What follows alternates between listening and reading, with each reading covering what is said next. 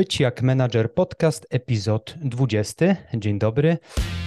W wieku 16 lat wiedziałem, że chcę robić wybitne rzeczy w gronie wybitnych specjalistów. Zostałem więc menadżerem i choć zarządzanie to niełatwy kawałek chleba, uczę, jak to robić na najwyższym poziomie. Jestem Mariusz Najwer, a to mój podcast o zarządzaniu w IT.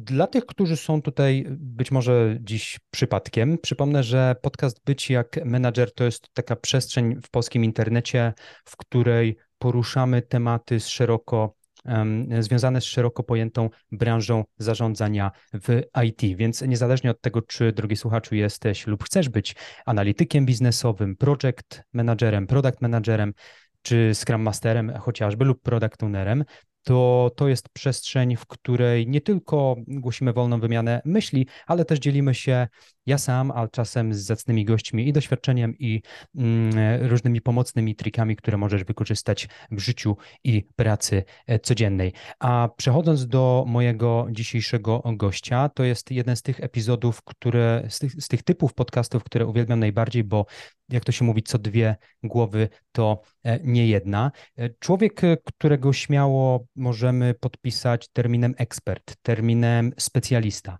terminem doświadczony fachowiec, zarówno teoretyk, jak i praktyk. E, głosi, tak, taka obiegowa plotka branżowa głosi, że podobno gdyby był dziś jeszcze raz bierzmowany, to na drugie, a nawet trzecie imię wziąłby sobie Kanban. Moi drodzy, e, przede mną, przed wami, moim gościem, waszym gościem jest dziś Radosław Orszewski. Dzień dobry, Radku. Dzień dobry, dobry wieczór. Właściwie nie, nie, wiemy, o której porze będą to oglądający i słuchający słuchali e, czy odbierali. My się widzimy wieczorem, więc tak mi wyszło z tym e, dobry wieczór. Cześć Mariuszu, bardzo się cieszę, że mogę być gościem u Ciebie i dziękuję za taką zapowiedź. E, tak. Powiedz mi, mam rację? Mam rację? Specjalista na pewno, tak, a, a właśnie mam zawsze taką e, to może od razu pójdziemy w taką anegdotę, wiesz, jesteśmy w polskiej kulturze, gdzie jak ktoś mówi, że masz ładny sweter, to mówisz, nie, no co ty to tam wiesz z lumpeksu i tak dalej. E, ja mam tak, jak ktoś mówi ekspert, bo, y, bo zawsze mam w głowie to, że prawdziwy ekspert o sobie tak nie myśli. I tu nie chodzi przez jakąś fałszywą skromność, ale zawsze się czegoś możemy jeszcze nauczyć. Czy specjalista i człowiek z doświadczeniem, no to już te lata, że można tak powiedzieć, nie? Nie, nie z jednego chleba się kanban, skram i różne E, z pieca jadło, więc e, tak, pewnie tak.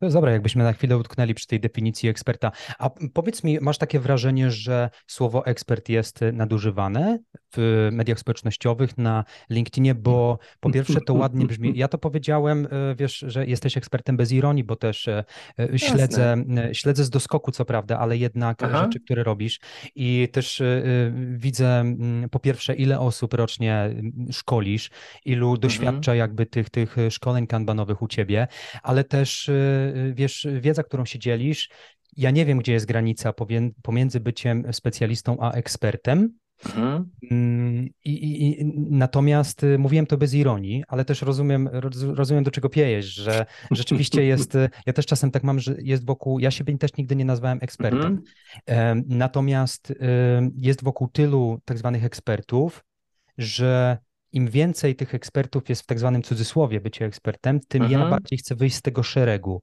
Mhm masz coś takiego, w sensie, pytam teraz o Twoją opinię, że ludzie nadużywają słowa ekspert? To nie wiem, czy to będzie popularne, czy nie, ale, ale wydaje mi się, że tak, ale to nie wynika, mam wrażenie, z jakiejś e, szczególnej, nie wiem, braku skromności czy czegoś w tym stylu. Po prostu żyjemy w, żyjemy w takich czasach e, takiego przebodźcowania i też pewnej inflacji pojęć, tak? To znaczy, wiesz, e, nie idziesz już e, do, nie wiem, kosmetyczki, tylko do E, wiesz, galerii piękności, tak? E, jakby marketing zawładnął e, i, i tam spotykasz coacha do spraw, wiesz, nail polishingu, tak, żeby było po polsku jeszcze, nie? Więc myślę, że mamy po prostu taką inflację pojęć, to, że wszystko musi być super, mega, sprint i tak dalej, jak, jak, jak nazwy leków, tak, mają coraz więcej takich przyrostków, więc pewnie to słowo ekspert rzeczywiście może być czasami gdzieś nadużywane. Ja myślę sobie o tym zawsze w koncepcji tej krzywej, to się chyba nazywa e, Dunning-Krugera, tak? E, mhm. Że wiesz, jakby ekspert y, jak, jak się rozwijamy w jakimś obszarze, to najpierw nie wiemy, czego nie wiemy, potem przychodzi nam chęć e, nauki, bo zaczynamy odkrywać, czego nie wiemy, e, ale zawsze jest właśnie ta jakaś tam sfera, o której nie, nie wiemy, albo którą już mamy trochę, powiedziałbym, w martwym punkcie, tak? Znaczy, wydaje mi się, been there, done that, to już zjadłem na tym zęby, to już nie ma tam żadnej dla mnie tajemnicy. Mm, I wydaje mi się, że czasami tracimy taką pokorę. To, to jest chyba dobre mhm. słowo tutaj, nie? żeby powiedzieć, że, y, że to, co ja sobie wyobrażam, to czego doświadczyłem, y, to nie musi być jeszcze pełen obraz, tak? E, I, i, myślę, że to jest coś, czym może powiem tak, bo to znowu kim ja jestem, żeby definiować ekspertów. Ja bym z ludźmi, którzy takie mają podejście, chciał pracować i nie bał się ich nazwać ekspertami. Okej, okay. a powiedz mi, bo y, nie chciałbym, nie chciałbym pominio, pominąć tego etapu, gdy słuchacze mogą poznać lepiej Twoją sylwetkę, bo mm -hmm. nie, nie, wszyscy, nie wszyscy muszą Cię mm, y, kojarzyć, chociaż ta branża jest dość, dość, dość mała w naszym kraju. Natomiast y, powiedz mi, jak już zahaczyliśmy o, o, o definicję, dziś szkolisz ludzi. Mówię najbardziej ogólnie, najbardziej generalnie. Między innymi szkolisz ludzi. To jest to, co ludzie widzą, tak. Właśnie, to jest to też, co, co ja widzę. Powiedz mi, na w jakim miejscu dziś jesteś e, czasowo? Mm. Jakbyś miał 100% swojego życia zawodowego podzielić, to ile procent zajmuje bycie szkoleniowcem? Ile mm, być może osobą uczącą się, rozwijającą jako, mm -hmm, jak, mm -hmm. jako pasywny słuchacz. Jak, jak te proporcje się rozdzielają dziś u ciebie? Ojej, to y, jest y, jak zwykle trzeba, trzeba uniknąć skrzywienia poznawczego, żeby nie popatrzeć teraz, bo okay. jesteśmy w czwartym kwartale, a w branży szkoleniowej ostatnio usłyszałem od koleżanki y, taką anegdotę, że szkoleniowiec się budzi we wrześniu i nagle się orientuje, że jest styczeń, tak? Bo jak wiadomo, firmy są zwinne, ale budżety mają roczne, więc najgorętszym okresem jest czwarty kwartał, tak? E, więc to na pewno zależy w czasie, tak? Jak, jak to rozłożyć.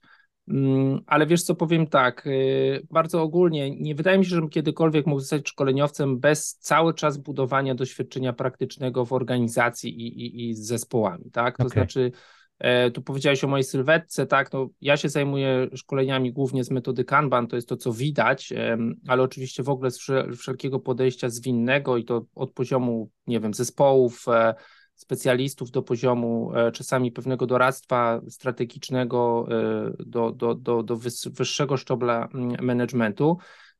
I nie wyobrażam sobie, żeby można było robić taką pracę szkoleniową, nie mając cały czas świeżego dopływu e, doświadczenia pracy w organizacji. Mam takie powiedzenie, że po jakimś czasie bym się czuł jak sprzedawca odkurzaczy. Wiesz, wchodzisz i masz ulotkę i ją czytasz i masz slajdy i, i, i tak dalej, i tak dalej. W związku z czym, gdybym miał pewnie podzielić takie, y, tak, tak procentowo, y, to myślę, że właśnie może w zależności od okresu te szkolenia zajmują, mm, strzelałbym 40-60% mojego czasu i pewnie w drugiej równowadze do tego jest y, właśnie praca z organizacjami, praca z zespołami, no i rozwijanie też siebie samodzielnie, tak? Bo jakby nie, nie wystarczy, wydaje mi się, mm, w dzisiejszych czasach być ekspertem czy specjalistą tylko od jednej rzeczy. I znowu może wydaje mi się, że jest istotne, że jeśli wchodzimy w interakcję z innymi metodami pracy, metodykami, frameworkami, to musimy się ich nauczyć, y, jeśli chcemy z nimi, nimi interagować, jeżeli chcemy się y, nawet z nimi zetrzeć, tak? To znaczy, tak jak jesteśmy już przy branży IT, no mam wrażenie, że wiesz, wiele osób może powiedzieć mhm. dużo złych rzeczy o różnych e, frameworkach skalowania, ale pytanie, czy jak krytykujesz dany framework skalowania, to czy zadałeś, sobie trud, żeby pójść na szkolenie, żeby zrozumieć i zobaczyć organizację, która z takim frameworkiem pracuje, y, czy tylko się ślizgamy, wiesz, na podstawie opinii? A powiedz mi, bo to mnie ciekawiło. Mm, tej audycji, a wiem to po wiadomościach, które od czasu do czasu dostaję też na skrzynkę, słuchają ludzie, którzy często albo dopiero stawiają pierwsze kroki w tej szeroko pojętej branży mm -hmm. IT, albo studiują i zastanawiają się, jakie kroki w swoim życiu zawodowym podjąć, bo są u progu wejścia w ogóle e, w tak zwane życie dorosłe, w e, karierę. Z mm -hmm. bardzo wielu metodyk, samych zwinnych metodyk jest, jest, jest, jest kilka, plus jeszcze poza tymi e, agile'owymi metodykami jest ich bardzo, bardzo dużo. A mm -hmm ty wybrałeś jako tą wiodącą, tą poprawnie jeśli się mylę, ale tą, z której mhm. bardzo często też y, szkolisz ludzi, wybrałeś mhm. kanban. Mhm. I trochę mi to przypomina mhm. sytuację człowieka, który wszedł do lasu i zapatrzył się na jedno drzewo. Powiedz mi, dlaczego, y, dlaczego u licha kanban? W sensie, y, mhm. co, co zatriggerowało te tę miłość, mhm. te, nie wiem jaki masz emocjonalny stosunek, ale wiesz, do, akurat do kanbana. Tak, tak. Yy, znaczy, myślę, że jest kilka, kilka rzeczy. Pewnie to jest jakaś składowa, wiesz, różnych wydarzeń i doświadczeń. Yy, to właśnie może gdzieś tu przemycając swoje doświadczenia i sylwetkę. Ja mm, po pierwsze jestem wielkim fanem osób, które się chcą przebranżowić na IT. E, I, bo, bo sam mam za sobą taką ścieżkę. Mam, mam wrażenie, że to jest w tej chwili tak na, A co robiłeś przed? na, na topie. Co robiłeś przed IT? Powiem tak, no z wykształcenia jestem w ogóle biotechnologiem. O tak, o, więc już zacznę, wiesz, od, od tego, że e, moje Widzę, jak nam słuchalność spada, no. Tak, tak, koleżanki, nie, no właśnie koleżanki i koledzy robią różne inne rzeczy po studiach, e, od, od badań klinicznych po po y, produkcję na przykład wielu rzeczy, których jesteśmy klientami, jak nie wiem, piwo, jogurt mm -hmm. czy coś w tym stylu, tak? Nieźle.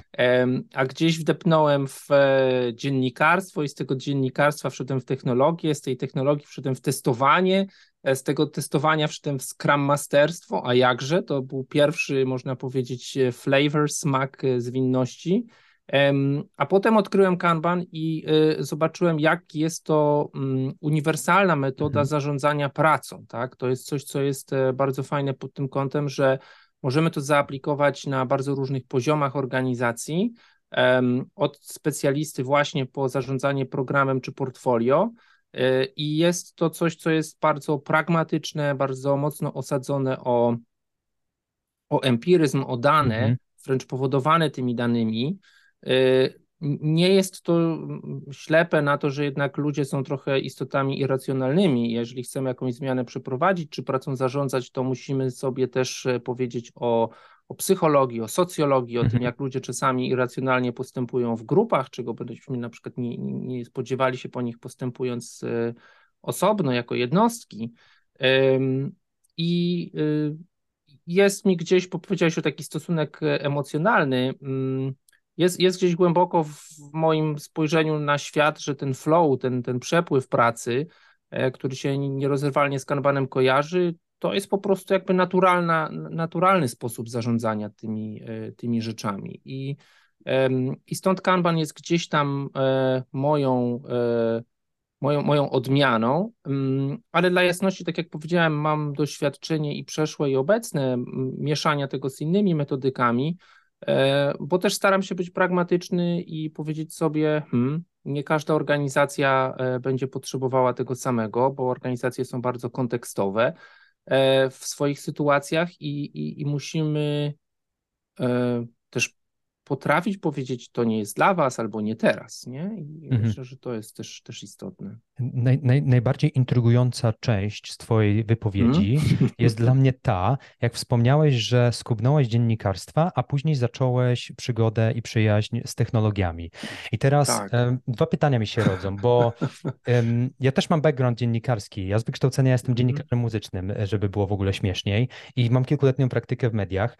Ja pamiętam, że jak żegnałem się, mm, żegnałem się z, ze światem szeroko pojętych mediów, mniejszych, większych, lokalnych, mhm. regionalnych, mm -hmm. to główną motywacją, jaka za tym stała, było to, że w końcu, gdy zacząłem dojrzewać i, i, i, i gdzieś otwierały mi się perspektywy i horyzonty na zdobywanie świata, to mhm. chciałem, żeby cholera w końcu ktoś zaczął mi godnie płacić za wykonywaną pracę, czego nie doświadczyłem w branży medialnej, a przynajmniej doszedłem do pewnego limitu na, mhm. na, na, na, na poziomie jakby powiedzmy lokalnym.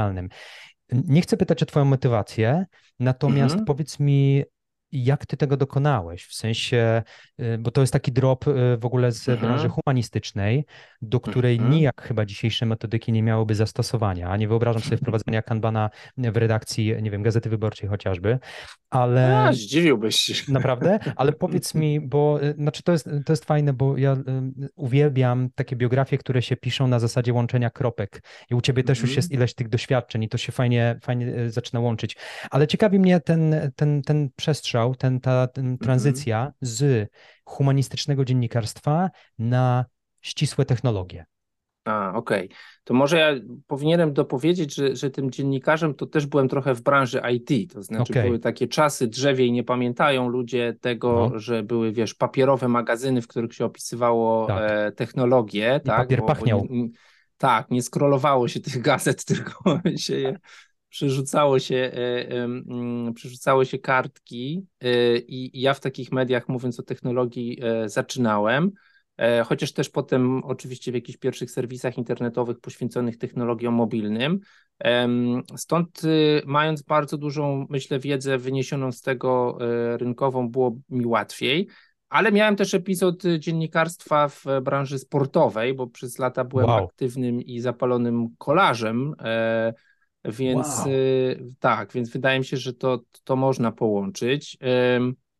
Wiesz co, motywacja, no ja mm, jakby nie, nie powiem oczywiście, że to nie jest fajnie być w tej bańce, tak, bo jesteśmy w IT w jakiejś, wiesz, creme de la creme, tak, e, że tak powiem pła- płacowym w, w tym kraju. Mhm. Ja bym oczywiście y, nie chciał widzieć tego, że wśród nauczycieli czy dziennikarzy jest selekcja negatywna, bo, bo jest motywacja tylko jakby zupełnie naturalna, finansowa. Ale wydaje mi się, że wracając do Twojego pytania, jak, jak taka tranzycja jest możliwa, y, wydaje mi się, że przede wszystkim y, trzeba tutaj troszkę determinacji y, i trzeba y, jakby patrzenia naprawdę szeroko, dlatego że mm, myślimy też często o tym IT jako o takich y, obszarach, gdzie albo potrzeba mieć te bardzo twarde kompetencje, po prostu techniczne, inżynierskie, programistyczne i oczywiście tak, e, w określonych rolach, ale e, biznes to są właśnie również ludzie, myślę biznes, który zleca pracę IT, tak, e, który jednak za, za to płaci E, i tutaj y, właśnie wydaje mi się, że dosyć niedocenioną jest, e, niedocenionym jest ten obszar umiejętności komunikacji, umiejętności, e, wiesz, łączenia kropek, tak jak Mhm. powiedziałeś, nie? Więc Mhm. wydaje mi się, że te wszystkie role, począwszy od Scrum Masterstwa, chociaż nie uważam, żeby to była entry level pozycja, tak, e, wchodzenia do branży, najlepsza, e, czy, czy analityk, e, czy, czy produktowcy, to są ludzie, którzy, no wręcz powiedziałbym, gorzej czasami wykonują swoją pracę, jeśli mają to skrzywienie techniczne, tak? Bo, bo Mhm. myślą rozwiązaniami, myślą rozwiązaniami technologii, które znają i to może nie być to. Mm, A Pewnie powiedz mi, słuchaczy- y, mhm. prze, przerwę ci Radek, bo chciałbym to, co powiedziałeś, zderzyć z opinią moich serdecznych kolegów programistów, z którymi czasem się Mhm. podszczypujemy i wymieniamy złośliwościami. Bo Niemożliwe. część moich e, kolegów programistów twierdzi, e, Mhm. że e, product managerowie, project manager- managerowie to trochę wymarły gatunek, bo Mhm. jak twierdzą, łebski, bystry, m, bardzo komunikacyjny, bardzo doskilowany w takim miękkim e, m, Mhm. stylu programista jest w stanie świetnie pociągnąć wątki techniczne jako, wiadomo, inżynier, ale również Mhm. wątki menedżerskie, co powoduje, Mhm. że w końcu y, w, w oczach moich sympatycznych kolegów programistów kształtuje się taka postać idealna, perfekcyjny menadżer, który to był programistą, więc rozumie te Mm. bolączki i e, wszystkie wątpliwości programistyczne, a jednocześnie jest w stanie się dogadać z biznesem. Z kolei moja e, teza jest taka, że ja akurat jestem człowiekiem, który wierzy w specjalizację i specjalizacja Mhm. komunikacji z drugim człowiekiem jest dla mnie tak samo ważna w pewnym kontekście, jak w innym kontekście specjalizacja techniczna. A Mhm. e, wspomniałeś, że e, i dlatego nie chcę cię tak łapać za słowa, ale wspomniałeś, że Mhm. że y, ludzie, osoby techniczne przez ten fokus taki techniczny mogą źle wykonywać swoją robotę. Jesteśmy w stanie Mhm. posięgnąć jak, y, po jakiś, y, sięgnąć po jakiś przykład z życia codziennego, Mm, gdzie taka mhm. sytuacja może się wydarzyć? Jasne, jasne. Wiesz co, y, tu ja od razu powiem, nie, nie chciałbym, żeby to było nadinterpretowane, że to brzmi, że oni źle wykonują swoją robotę, Mhm. tak? Bo jeżeli ich Jasne. robotą jest znalezienie więc kolokwialnie właściwego rozwiązania architektonicznego, potem implementacji, to, to oczywiście te umiejętności techniczne, doświadczenie będą tutaj potrzebne. Ja nawet zrobię krok wstecz i powiem e, jasne, e, jeśli masz w ogóle wśród takich, e, wśród swoich znajomych takich deweloperów, takich programistów, którzy również widzą, że jest sens się uczyć tych kompetencji, no, nazwijmy to krzywdząco miękkich czy komunikacyjnych, tak, to wiesz, jakby powiem, oni się o pracę nie muszą martwić, znaczy w ogóle programiści raczej nie, ale ci to już szczególnie, nie? Ja bym powiedział, więcej nam takich, więcej nam ludzi z taką świadomością. Natomiast jak pytasz mnie o taki przykład, to, yy, to wydaje mi się, że yy, każda ekspertyza, każda specjalizacja, w której jesteśmy, yy, troszkę zawęża nasze pole widzenia, tak? To znaczy potrafimy skakać do rozwiązań, czy coś, co ładnie po angielsku nazywamy solutionizing, tak? Czyli mhm E, no jest taka anegdota, że jak wiesz, masz młotek, to wszystko się wydaje gwoździem, nie? I e, dlaczego produkty y, czasami najlepsze technicznie nie spełniają oczekiwań klientów, to przychodzi mi na myśl taka jedna historia z jakiejś książki, e, gdzie jacyś inżynierowie robiący takie urządzenia do diagnostyki medycznej typu rezonansy czy tomografy E, byli bardzo zadowoleni z produktu, który wytworzyli, bo to urządzenie było bardzo energooszczędne, było bardzo dokładne, y, y, oszczędzało dawki promieniowania pacjentom itd., tak itd. Tak no i z punktu widzenia technicznego ci ludzie uznali, że to jest najlepszy możliwy produkt, jaki powstał tak, na, na, na tamte czasy. Nie?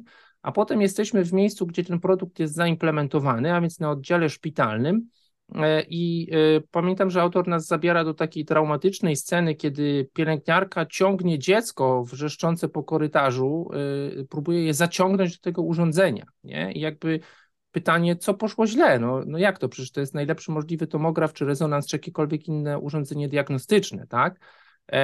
No i mówimy sobie, ok, inżynierowie zbudowali najlepszy, najbardziej energooszczędny, najbardziej bezpieczny pod kątem dawek promieniowania E, urządzenie, które wygląda jednakoż dla pacjenta przerażająco, bo nikt nigdy nie pomyślał, że ta wielka hucząca e, maszyna zostanie postawiona na oddziale e, pediatrycznym, tak? Mhm. I no i co z tego, że mamy świetne rozwiązanie technologiczne, jak, jak użytkownik, tak? Nie klient, który kupił urządzenie, tak? Nie chce, nie chce do niego wejść, tak? Tam jest świetna historia, mm, że wystarczy zrobić naklejki, które robią z tego urządzenia dżunglę, do której dziecko wjeżdża, albo statek kosmiczny. Tak. Nie? I, I to są rzeczy, z którymi e, przychodzą ci produktowcy niedoceniani, ci, e, ci ludzie, którzy robią te interview, ci ludzie, którzy e, badają cały właśnie user experience, taki prawdziwie rozumiany user experience i mówią tak, potrzebne jest urządzenie, które będzie ciche, energooszczędne i tak dalej, i tak mhm. dalej, ale też musi mieć ten aspekt właśnie, powiedziałbym, e, ludzki e, dla klienta, nie? I wydaje mi się, że jesteśmy sami co dzień, już tak nie idąc takimi wysokimi lotami, nie? klientami aplikacji, które sobie myślimy, teraz musiał zakląć, nie? Ale kto to zaprojektował, kto to zakodował, mhm. nie? E, no, no jednak takie, jeżeli takie produkty powstają, no to widzimy, że, że potrzebne jest jeszcze to inne spojrzenie niż tylko jakość, ilość kodu, nie? Hmm. Wiesz co, e, przychodzi mi na myśl, jako że mm, tego podcastu słuchają głównie ludzie, którzy chcą być lub już są czynnie mhm. szeroko pojętymi menadżerami nie wchodząc mhm. w jakieś tam um, głębsze z, specjalizacje. I, jak gdzieś sobie wy, wy, wy, wyklikiwałem dzisiaj, um, wyklikiwałem sobie notatki, które um, robię w ostatnim, w ogóle nie wiem, czy miałeś tak, ale y, dziś mi się synchronizowała chmura z notatkami z y, telefonu, który ostatnio używałem 5 lat temu i, i zobaczyłem, jak notatki robiłem 5 lat temu. Ja sobie wynotowywałem kiedyś cytaty związane z moją branżą, którą y, czuję się wciąż mniej lub bardziej zafascynowany. I wiesz co, znalazłem cytat Napoleona Bonaparte, który rzekomo powiedział kiedyś, że armia baranów, której przewodzi lew, jest silniejsza od armii lwów prowadzonej przez barana. I mm. teraz e, to nie ja widzę w tym, znaczy chciałem, e, chciałem wyciągnąć jakby na, na powierzchnię taki cytat. Powiedz mi, czy byłeś świadkiem takich sytuacji albo słyszałeś anegdoty mówiące o tym, jak przy świetnie działającym zespole projektowym i produktowym, programistach, Mhm, inżynierach, mhm. designerach, analitykach biznesowych, testerach, projekt wypieprzył się do góry nogami tylko dlatego, że zawiódł jeden, jedyny człowiek. Zawiódł człowiek, który Mhm. tym kierował. Czy Mhm. kojarzysz takie sytuacje ze swojego doświadczenia? O, obawiam się, że tak. I, I jest to wiele historii, które kryją się y, za tak zwaną zasadą Vegas, y, czy z konsultingu, O. czy ze szkoleń, tak? Co to za znaczy, zasada? co się dzieje w, co się dzieje w Vegas, zostaje w Vegas, tak? Więc oczywiście nie, Okej. nie będę w stanie, wiesz, y, tu podać nazw, tak? Ale jest naprawdę, powiedziałbym, no, mocne słowo traumatycznym doświadczenie, kiedy, kiedy widzimy, że olbrzymie kwoty y, pieniędzy są przepalane na produkty, e, gdzie w dużych organizacjach e, dwa zespoły pracują nad y, y, to niecelowo konkurencyjnym rozwiązaniem tego samego problemu, tak? Gdzie dopiero na samym końcu dochodzi do jakiegoś przepraszam, zderzenia klaszu, tak, e, tych, Mhm. tych koncepcji, gdzie e, jeden, jeden zespół e, czy jeden obszar biznesowy rozwija coś, a drugi tworzy nową tego wersję i, i zaraz po tym, jak się skończy pierwszy, jest nadpisywana to, to drugą, niekoniecznie lepszą, tak?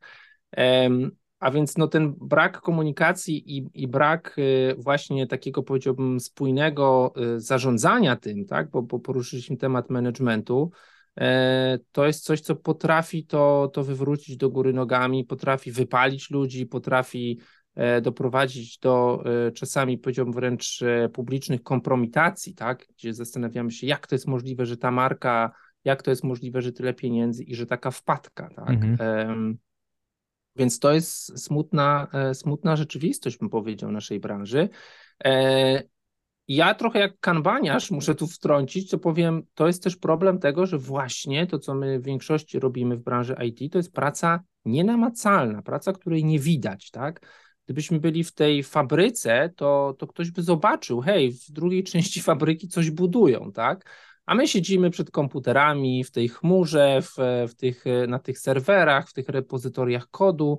E, Dzisiaj się często nie widzimy, bo nie pracujemy nawet z jednej przestrzeni fizycznej, tak? Jakby nie mamy pojęcia o tym, jak olbrzymie nieefektywności są w tym, e, jak, jak pracujemy. E, I no nie wiem, czy Na- Napoleona byśmy tutaj przypisali bardziej do, do IT, czy nie, ale, ale myślę, że jest, jest tym dużo racji, bo y, nawet wiesz, patrząc na takie doświadczenia na przykład skramowe, czy, czy, czy w ogóle y, produkt menedżerskie, to wydaje mi się, że y, no jest takie fajne powiedzenie linowe, tak, że nie ma większej straty niż robić porządnie coś, co nie powinno być zrobione w ogóle. No i jednak ta wiadomość, czy coś jest chciane, potrzebne i, i, i, i dobrze określone, wynika właśnie od tego albo barana, albo lwa na, na czele tej armii, tak? Jeżeli tam mamy problem, no to nie ma to większego już znaczenia teraz, jak efektywni będziemy na dole. A powiedz mi, ym, pytam Ciebie teraz nie tylko jako szkoleniowca, ale jako człowieka, który mm, jest w tej branży na co dzień, jest to Twój chleb prze- Mhm. powszedni. Czy też na pewno rozmawiasz z ludźmi, którzy mają ambicje, tak jak mówisz, też e, lubisz Mhm. ludzi, którzy są na etapie przebranżowienia. Czy spotkałeś kiedyś człowieka, który przy całych swych wspaniałych, e, silnych ambicjach, jeśli spojrzałbyś na preferencje i na to, jakie ma warunki, nie wiem, osobowościowe, mm, Mhm. mentalne, psychologiczne, pod każdym z tych względów nie powinien być menadżerem lub y, specjalistą y, y, w branży, czy ty spotkałeś osoby, które, osobę, której chciałbyś odmówić, albo może nie tyle odmówić, zachęcić tę osobę, żeby zmieniła swój kierunek w życiu? Bo pytam, wiesz dlaczego? Bo czasem Mhm. y, ja będąc w branży IT, nie chcę powiedzieć coraz częściej, bo to byłoby chyba zbyt pesymistyczne, ale często miewam takie poczucie, że widząc pewną skalę niekompetencji i też, y, która wypływa nie tylko w praktyce, kiedy poznajesz tych ludzi na przykład e, Mhm. gdzieś, gdzieś na różnych, y, może nie eventach, ale w praktyce pracując z tymi ludźmi, ale też y, mm, ja też oceniam to, kto jest jakimś specjalistą po tym, jak e, wizerunkowo zachowuje się jakby też w mediach społecznościowych. Nie wszystkim po prostu przystoi pisać pewne rzeczy, które, które piszą. Czasem mhm. widzę pewną niekompetencję, która według moich standardów jest niekompetencją i zastanawiam się, co się wydarzyło po drodze w życiu tych ludzi, że tak bardzo minęli się z powołaniem. I teraz, mhm. czy ty mhm. jako szkoleniowiec, bo ja oboje e, Radku tworzymy podcasty gdzieś, dzielimy się tą wiedzą, e, mhm. mamy szansę, jeżeli już słucha nas co najmniej kilka osób, to mam to za tym idzie pewna odpowiedzialność. Teraz pytanie, czy czujesz się mhm. odpowiedzialny jako twórca podcastów, jako człowiek, który dzieli się wiedzą, nie tylko za to, żeby dzielić się tą wiedzą, ale także, żeby mhm. być może coachować, choć to brzydkie słowo, być może doradzać ludziom nie tylko to, jak powinni działać, ale też czego nie powinni robić. Na przykład mhm. nie powinni iść w tym kierunku, albo y, nie, wiesz, mówię o pewnych ekstremalnych przypadkach, bo nie chcę mhm. malować trawy na zielono i y, mhm. jest bardzo wiele może się zgodzić lub nie. Moja opinia jest taka, że bardzo wiele projektów się wysypuje, zespołów się wysypuje. Jest e, bardzo duża rotacyjność w wielu firmach, dlatego, że pewne role wykonują ludzie, którzy nie powinni byli iść w tym kierunku. Mm, I ja mhm, wtedy mm. zastanawiam się, kurczę, czemu na ich drodze zawodowej nie było jakiejś osoby, która by im nie powiedziała, mm-hmm. gościu, tam Marku, Januszu i tak dalej, nie idź w tym kierunku. Ja się czuję na tyle odpowiedzialny i na tyle odważny, że jestem w stanie to otwarcie ludziom mówić i też jak pojawiają się czasem u mnie na konsultacjach jeden na jeden, y, czy to moi słuchacze, czy ludzie, którzy chcą się przebranżawiać, nie mam z tym absolutnie żadnego problemu. Mogę się mylić, mhm. mogę komuś źle doradzić, mhm. ale czuję się mhm. odpowiedzialny, żeby być szczerym z tymi ludźmi. Jak, jak to wygląda Jasne. u Ciebie? Okej. Okay. Wiesz co, yy, tak jak mówiłeś, to yy, szukałem gdzieś historii, bo ja bardzo lubię przez historię opowiadać. Mhm. Przypomina mi się praca w jednej y, firmie, kiedy nie byłem jeszcze szkoleniowcem, nie byłem niezależnym przedsiębiorcą, tylko jak najbardziej pracownikiem etatowym i pamiętam, że E, mój kolega e, z firmy w imieniu Andrzej, więcej nie powiem, e, miał taki opis na komunikatorze w naszej firmie, że, że ludzie się dzielą na tych, co powinni, ale się boją, i na tych, co nie powinni, ale się nie boją i robią. I oczywiście wiesz, to tak jest luźne przypomnienie tego cytatu. Mm, I tak sobie myślę, że Y, oczywiście ktoś może powiedzieć, no co, co za głupota, że właśnie przecież na tym stoi Dolina Krzemowa i odważni przedsiębiorcy, że się nie boją i robią. Jasne, nie? Ale jeżeli mówimy o takim obszarze właśnie zarządzania, budowania zespołów, pracy z ludźmi, to myślę, że to jednak jest prawdziwe. To znaczy, y, są ludzie, którzy jak najbardziej się do tego nadają, ale e, gdzieś mają mentalne obawy przed tą ścieżką i są ludzie, Y, tu znów wchodzimy w jakieś obszary psychologii, e, mhm. którzy, no, y, nie wiem, mają jakieś zachowania socjopatyczne, jakieś zachowania, które potem prowadzą do, wiesz, takiego niezdrowego narcyzmu, e, do, e, do przypisywania sobie pewnych zasług za mhm. kogoś, mhm. tak, do wręcz nie wiem, takich zachowań już stricte patologicznych, typu jakiś mobbing, typu jakieś tak. po prostu doprowadzanie E, po trupach do wypalania ludzi, tak, wokół nas. No i rzeczywiście na którymś etapie myślę, że ktoś im tego y, nie mówi. E, I, i, i myślę sobie, że to jest e, bardzo ciekawe, bo jesteśmy w tej kulturze, w której się bardzo dużo mówi o tym feedbacku, ale z tym feedbackiem bywa różnie, bo ten feedback czasami potrafi być y, niewygodny, czasami może być problematyczne się nim podzielenie. E, i rzeczywiście wolimy się gdzieś obrócić napięcie niż powiedzieć to coś, e, potem będziemy za to, że tak powiem, pociągani za, za cytat albo coś w tym stylu. E, skłamałbym, gdybym powiedział, że sam w życiu się wcześniej na pewno w takich momentach nie znalazłem i się nie zawahałem i nie, nie zrobiłem czegoś. Natomiast mm, wydaje mi się, że, że jest istotne, bym powiedział, obserwować, i tutaj myślę jeszcze właśnie o, e, o innych obszarach w organizacji, wyższego szczepla menedżerów, formy zbierania feedbacku, e, żeby takie zachowania identyfikować, bo to rzeczywiście może doprowadzić do bardzo niefajnych zachowań, tak? Czy bardzo niefajnych sytuacji, nawet nie mówimy tylko i wyłącznie projektowych, ale też e, też po prostu ludzkich, tak? Mam taką refleksję, Mariusz, że właśnie wiele osób idzie chociażby w tą branżę IT i widzi niestety tą ścieżkę, że to tak wiesz, upraszczając, zostań Scrum Masterem, tam 10k na wejściu i nic nie robisz, nic nie musisz umieć, mhm. E, ale w ogóle się nie mówi o tym, jak w e, branży Scrum Masterów, Agile Coachy, ludzi, którzy chcą przeprowadzać zmianę, jak wszechstronnym, przepraszam, jak wszechobecnym zjawiskiem jest wypalenie, jest prawdziwa depresja, są, są naprawdę stany no niefajne, tak mówiąc kolokwialnie, emocjonalne, psychologiczne, e, wręcz, e, wręcz naprawdę szkodliwość na, na poziomie zdrowia psychicznego i dobrostanu, nie? Bo, bo to nie jest tak, że wchodzimy do tych organizacji, właśnie wszyscy nas kochają i przytulają brzozy i mówią świetny kolor karteczek wybrałeś, e, Radek, nie? Tylko mm, możemy trafić właśnie na takich ludzi, którzy no będzie ciężko. To prawda. Ja tym bardziej mm, nie chcę mówić, y, że czujesz żal, ale zadziwia mnie to, a nawet zastanawia, że tak mało się o tym mówi w branży, w szeroko pojętej w branży. W mhm. sensie, jak ja śledzę to, co wokół się dzieje, to rzeczywiście jest tak ogromne ciśnienie na Mm, to podążanie za perfekcyjnym PR-em, za pięknym, wypudrowanym mm. jakby e, marketingowo biznesem, który jest idealny, e, tak żeby sprzedać firmę jako mm, e, lukratywne i komfortowe miejsce pracy specjalistom, mm -hmm. którzy są jednak wymagający, bo jednak zapotrzebowanie na, na wyspecjalizowaną kadrę jest po prostu duże, że te firmy zabijają się mm wręcz o, o, o specjalistów. Cieszę się, że o tym mówimy, bo to jest druga strona medalu, o której właśnie mało firm wspomina, a zwłaszcza przemilczą te kwestie na pewno mm, działy HR-owe, którym jest mm -hmm. na rękę, gdy, e, gdy mm, pojawia się na horyzoncie coś, co potencjalnie mogłoby zepsuć PR firmy, który mm -hmm. reprezentują.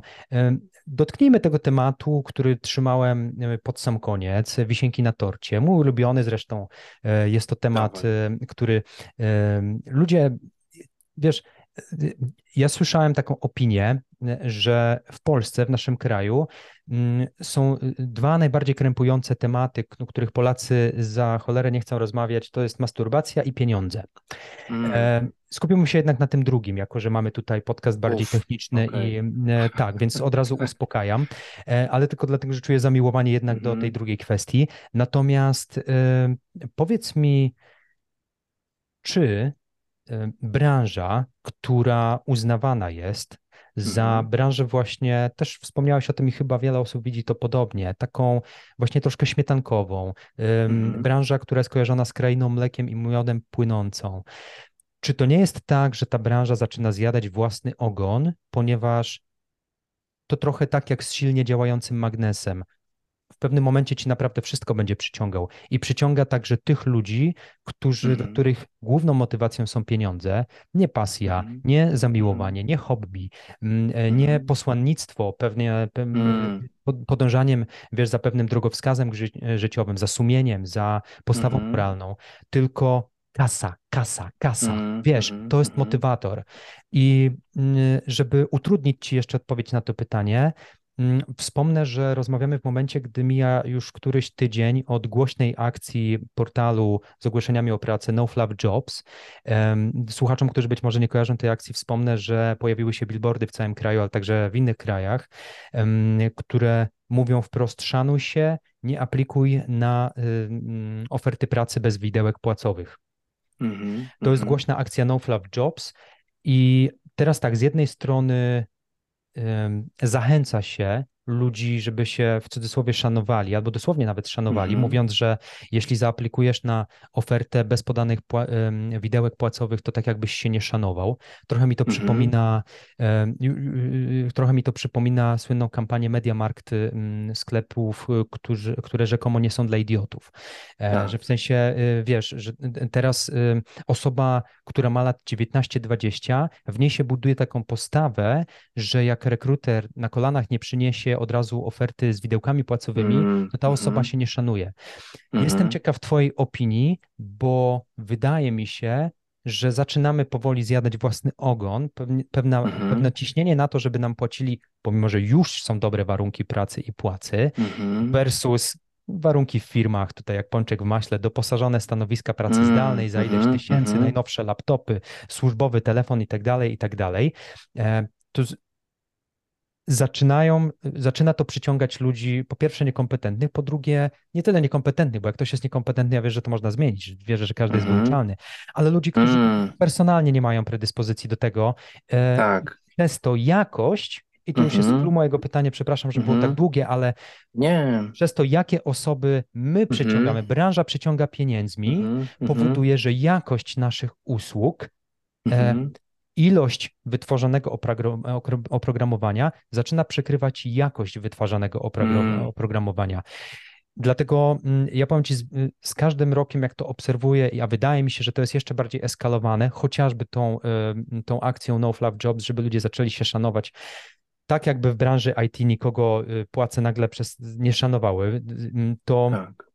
Wydaje mi się, że to może być trochę strzał w kolano i mm, szczerze powiedziawszy, ja się od takich akcji odcinam, bo mhm. Y, y, odcinam się od takich akcji, ponieważ uważam, że przyjmowanie postawy roszczeniowej, płaccie mi więcej, mówcie ile chcecie mi zapłacić, mhm. w sytuacji, gdy, nie wiem, widziałeś kiedykolwiek jakiegoś kandydata, który by wrzucił post na LinkedIn, gdzie opisałby, napisałby wprost, chcę zarabiać za godzinę tyle i tyle, albo moja stawka tyle i tyle.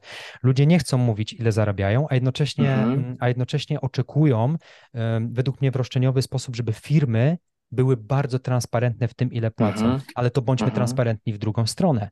No to mhm. napisz publicznie, jeżeli chcesz, żeby publicznie wystawiano ci widełki, to ty napisz publicznie, ile zarabiasz, ale chcesz zarabiać.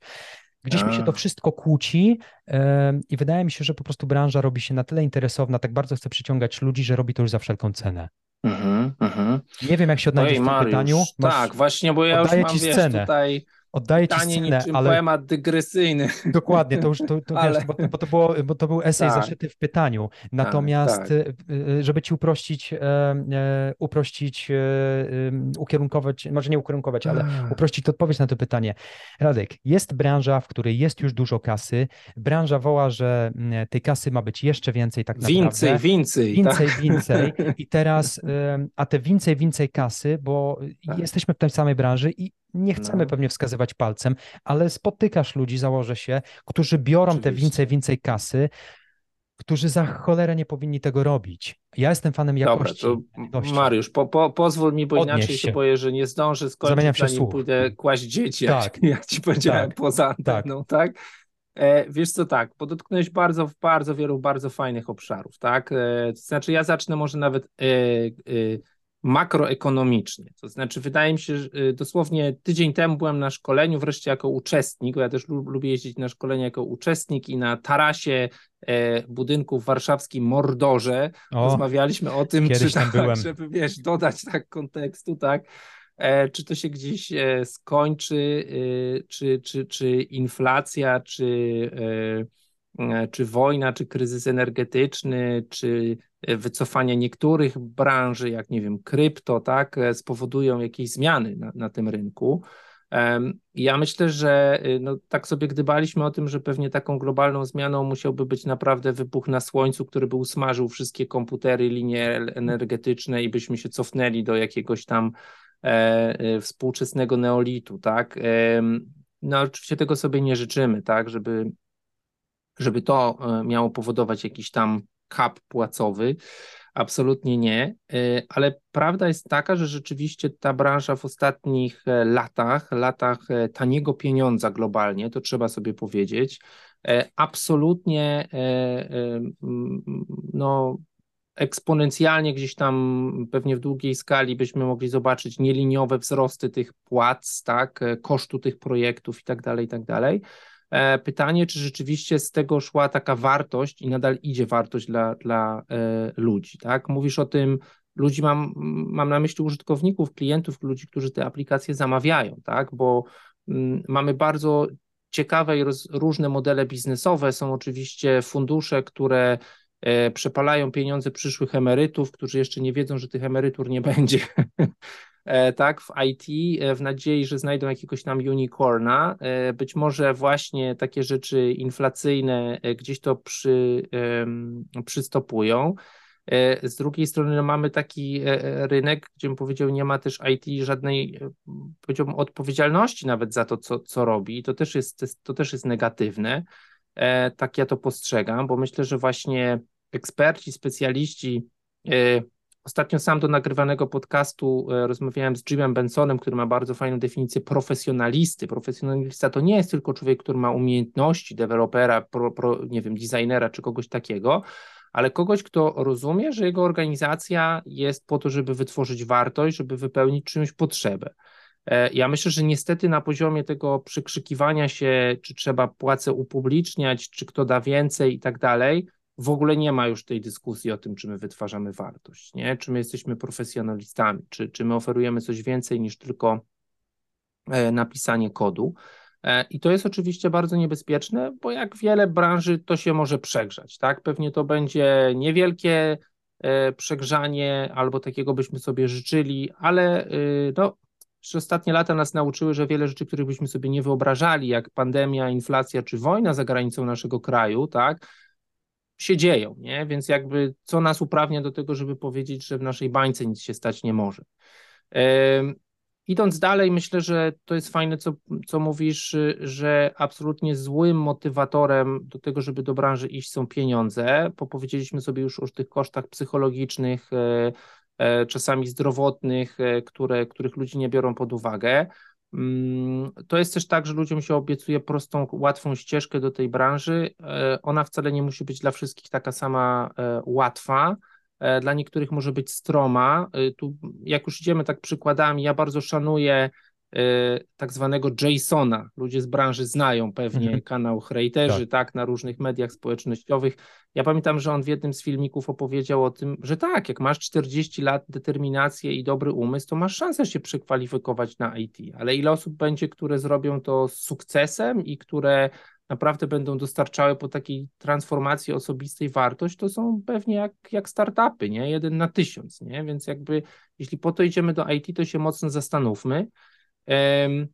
I bardzo mi się podoba to, co powiedziałeś, czy to jest kwestia y, kompetencji, bo kompetencje zawsze można dobudować. Ja się boję y, tego, kiedy jesteśmy powodowani no wręcz nieetycznym działaniem. Nie? I, i, i, I zobacz, Mariusz, jak wiele się mówi o tym, że e, nie dość, że są w naszej branży ludzie, którzy krzyczą więcej, więcej, to jednocześnie mamy przykłady y, tych ludzi, którzy korzystają z portalu takiego jak Overemployed, który wręcz uczy jawnie, jak udawać pracę na dwóch etatach. Nie? Tu zabukuję w Teamsach, że jestem zajęty, tu zabukuję na Slacku, że jestem zajęty. E, tak, Ludzie udający patologie. pracę na, tak, na dwóch, trzech etatach, nie? I, ale branża tego bardzo małym stopniu to weryfikuje, bo po pierwsze nie ma jak, po drugie jest to niewygodne, no bo w sumie to nawet jest niewygodne dla firmy, że dopuściła takiej sytuacji, to jest, to jest już jakaś taka naprawdę skrajna patologia, nie? Um, a co do tych płac, to, to ja powiem tak, widziałem tą kampanię, y, o, o, o której mówisz. Mam do niej takie podejście. Jest to oczywiście jakiś tam shoutout marketingowy, y, ale widzę dwie, dwie rzeczy, które są, y, są fajne w tym, żebyśmy tą transparencję płac mieli na jakimś etapie.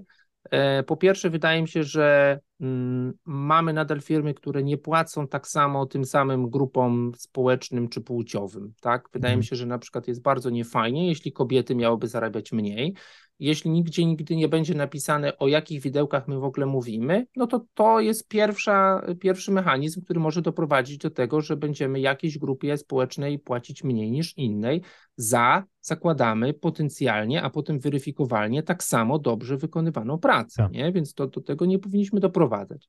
E, z drugiej strony, rzeczywiście myślę, że y, na jakimś etapie taka jasność tych e, widełek jest potrzebna, E, no bo nie marnujemy swojego czasu w takim ujęciu również firmy, nie? To znaczy, jeżeli widzimy, że pracownikiem powoduje tylko i wyłącznie najwyższa stawka na rynku, to ja nie wiem, czy wygramy, ale z drugiej strony powiem tak przekornie, nie wiem, czy ja bym chciał mieć takich ludzi w swoim zespole, nie? Bo, bo za chwilę ktoś krzyknie tysiąc więcej, jeden benefit więcej i ja tych ludzi stracę, a wiemy, że no, dobre produkty buduje się przez zgrane długoterminowe relacje międzyludzkie. Nie?